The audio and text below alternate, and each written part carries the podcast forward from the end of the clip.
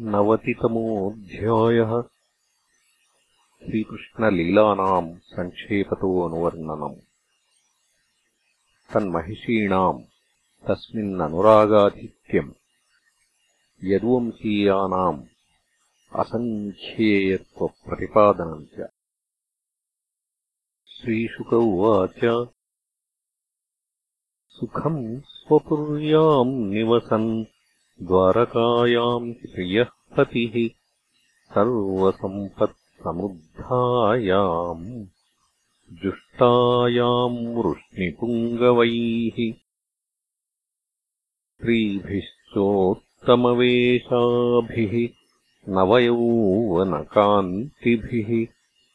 हर्म्येषु कन्दुकाद्यैस्तु क्रीडन्तीभिः तटिद्युभिः नित्यम् सङ्कुलमार्गायाम् मदत्युद्भिर्मतङ्गजैः स्वलङ्कृतैर्भटैरश्वै रथैश्च कनकोज्ज्वलैः उद्यानोपवनाढ्यायाम् पुष्पितद्रुमराजिषु निर्विशद्भृङ्गविहगैः नादितायाम् समन्ततः। प्रेमे षोडशसाहस्रपत्नीनामेकवल्लभः। तावद्विचित्ररूपोऽसौ तद्गृहेषु महर्धिषु। प्रोत्फुल्लोत्पलकल्हारकुमुदाम्भोजरेणुभिः वासितामलतो येषु कूजद्विजकुलेषु च। विजहारविगाह्याम्भो ह्रदिनीषु महोदयः। कुचकुङ्कुमलिप्ताङ्गः परिरब्धश्च योषिताम् उपगीयमानो गन्धर्वैर्मृदङ्गपणवानकान् वादयद्भिर्मुदा वीणाम् सूतमागधवन्दिभिः चिच्यमानोऽच्युतस्ताभिर्हसन्तीभिः स्म रेचकैः प्रतिसिञ्चन् विचिक्रीडे यक्षीभिर्यक्षराडिव ताः क्लिन्नवस्त्रविवृतोरुकुचप्रदेशाः। सिञ्चन् च उद्धृतबृहत्कबरप्रसूनाः। कान्तम् स्मरेचकजिहीरशयोपगुह्य जातस्मरोत्सवलसद्वदना विरेजुः कृष्णस्तु तत्सनविसर्जितकुङ्कुमस्रक् क्रीडाभिषङ्गधुतकुन्तलबृन्दबन्धः सिञ्चन्मुहुर्युवतिभिः प्रतिषिच्यमानो रेमे करेणुभिरिवेभपतिः परीतः नटानाम् नर्तकीनाम् च गीतवाद्योपजीविनाम् क्रीडालङ्कारवासांसि कृष्णोदात्तस्य च स्त्रियः। कृष्णस्यैवम् विहरतो गत्यालापेक्षितस्मितैः नर्मक्ष्वेलिपरिष्वङ्गैः स्त्रीणाम् किल हृताधियः ऊचुर्मुकुन्दैकधियो गिरवुन्मत्तवज्जडम् चिन्तयन्त्योरविन्दाक्षम् तानि मे गदतः शृणु। महिष्य ऊचुः पुररिविलपसि त्वम् वीतनिद्रानशेषे स्वपिति जगति रात्र्यामीश्वरो गुप्तबोधः। वयमिव सखि कच्चिद्गाढनिर्भिन्नचेताः नलिननयनहासोदारलीलेक्षितेन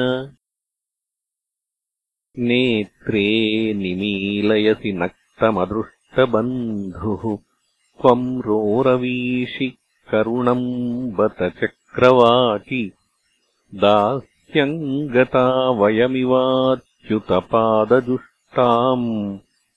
किम् वा स्रजम् स्पृहयसेकबरेण वोढुम्। भो भो सदा निष्टनसे उदन्वन् अलब्धनिद्रोऽधिगतप्रजागरः किम् वा मुकुन्दापहृतात्मलाञ्छनः? प्राप्ताम् दशाम् त्वम् च गतो दुरत्ययाम्। त्वम् यक्ष्मणा बलवतासि गृहीत इन्दो। क्षीणस्तमो न निजदीधितिभिः क्षिणोषि कच्चिन्मुकुन्दगदितानि यथा वयम् त्वम् विस्मृत्य भोः स्थगितगीरुपलक्ष्यसे नः। किम् त्वाचरितमस्माभिर्मलयानिलते प्रियम् गोविन्दापाङ्गनिर्भिन्ने हृदीरयसि नः स्मरम्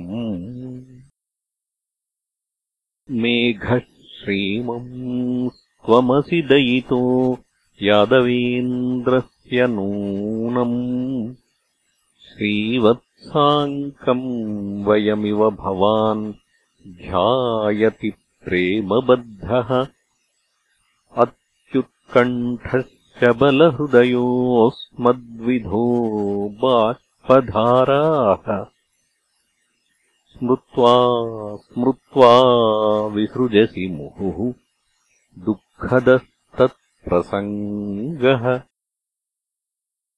प्रियरावपदानि भाषसे मृतसञ्जीविकयानया गिरा करवाणि किमद्यते प्रियम् वद मे वल्गितकण्ठकोकिल न चलसि न वदस्युदारबुद्धे। क्षितिधरचिन्तयसे महान्तमर्थम् अपि बत वसुदेवनन्दनाङ्घ्रिम्। वयमिव कामयसे स्तनैर्विधर्तुम्। शुष्यध्रदाः कर्षिता बत सिन्धुपत्न्यः सम्प्रत्यपास्तकमलश्रिय इष्टभर्तुः यद्वद्वयम् मधुपतेः प्रणयावलोकम् अप्राप्यमुष्टहृदयाः पुरुकर्षिताः स्म। हंसस्वागतमाप्यताम् पिबपयो। ब्रूह्यङ्गशौरेः कथाम् दूतम् त्वाम् नु विदाम कच्चिदजितः स्वस्यास्त उक्तम् पुरा। किम् वा नः चलसौहृदः स्मरति तम् कस्माद्भजामो वयम्। क्षौद्रालापय कामदम् श्रियमृते तैवैकनिष्ठा स्त्रियाम् श्रीशुक उवाच इतीदृशेन भावेन कृष्णे योगेश्वरे क्रियमाणेन माधव्यो लेभिरे परमाम् गतिम् श्रुतमात्रोऽपि यः प्रीणाम् प्रसह्याकर्षते मनः उरुगायोरुगीतो वा पश्यन्तीनाम् कुतः पुनः। या सम्पर्यचरन् प्रेम्णा पादसंवाहनादिभिः। जगद्गुरुम् भर्तृबुद्ध्या तासाम् किम् वर्ण्यते तपः एवम् वेदोदितम् धर्मम् अनुतिष्ठन् सताम् गतिः गृहम् धर्मार्थकामानाम् मुहुश्चादर्शयत्पदम् आस्थितस्य परम् धर्मम् कृष्णस्य गृहमेधिनाम् आसन् षोडशसाहस्रम् महिष्यश्च शताधिकम्। तासाम् स्त्रीरत्नभूतानाम्। अष्टौ याः प्रागुदाहृताः।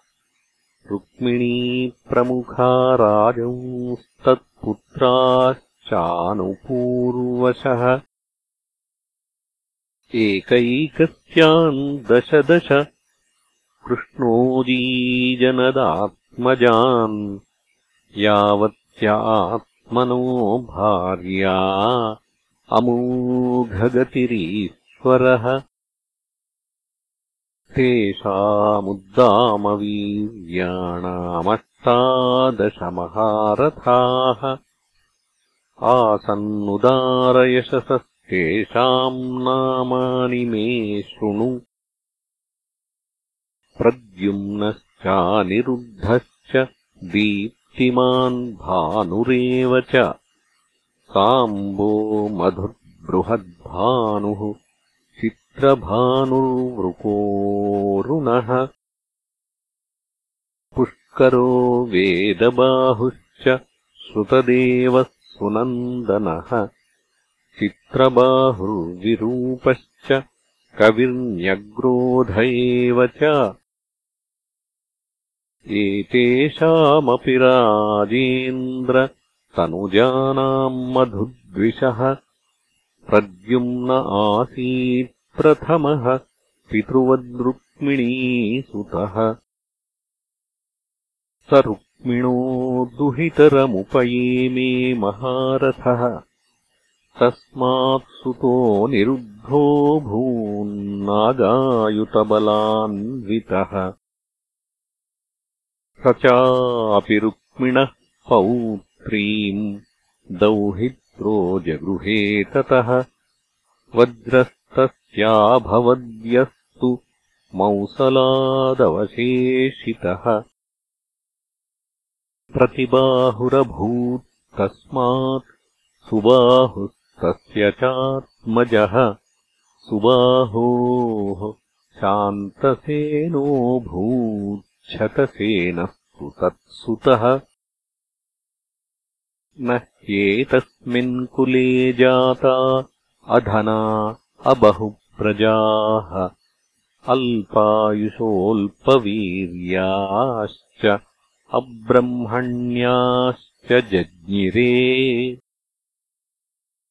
यदुवंशप्रसूतानाम् पुंसाम् विख्यातकर्मणाम् सङ्ख्या न शक्यते कर्तुमपि वर्षायुतैर्नृप।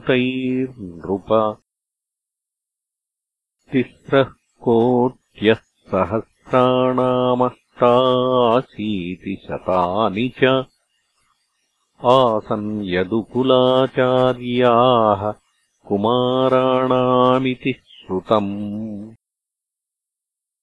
सङ्ख्यानम् यादवानाम् कः करिष्यति महात्मनाम् यत्रायुतानामयुतलक्षेणास्ते स आहुकः।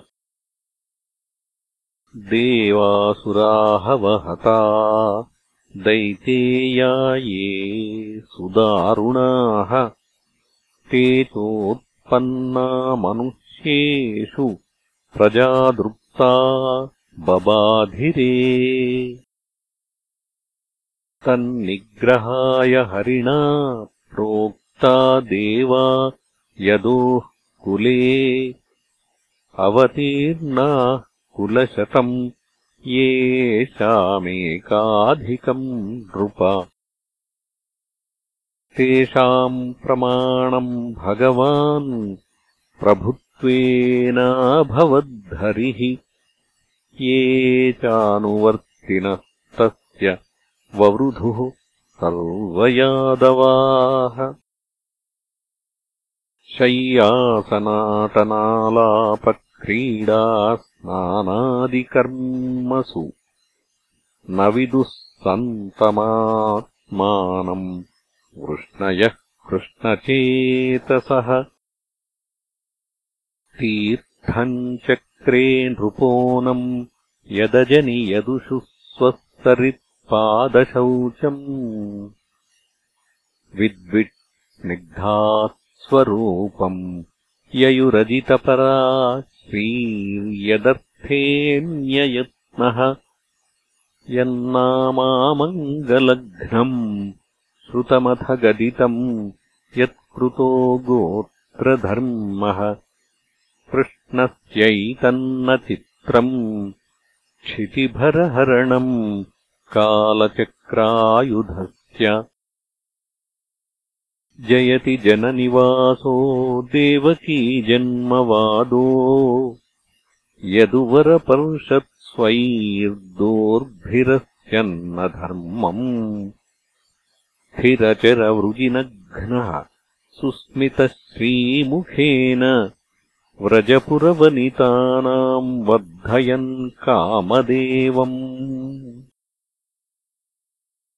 इत्थम् परस्य निजधर्मरिरक्षयात्तलीलातनोस्तदनुरूपविडम्बनानि कर्माणि कर्मकषणानि यदूत्तमस्य श्रूयादमुष्यपदयोरनुवृत्तिमिच्छन्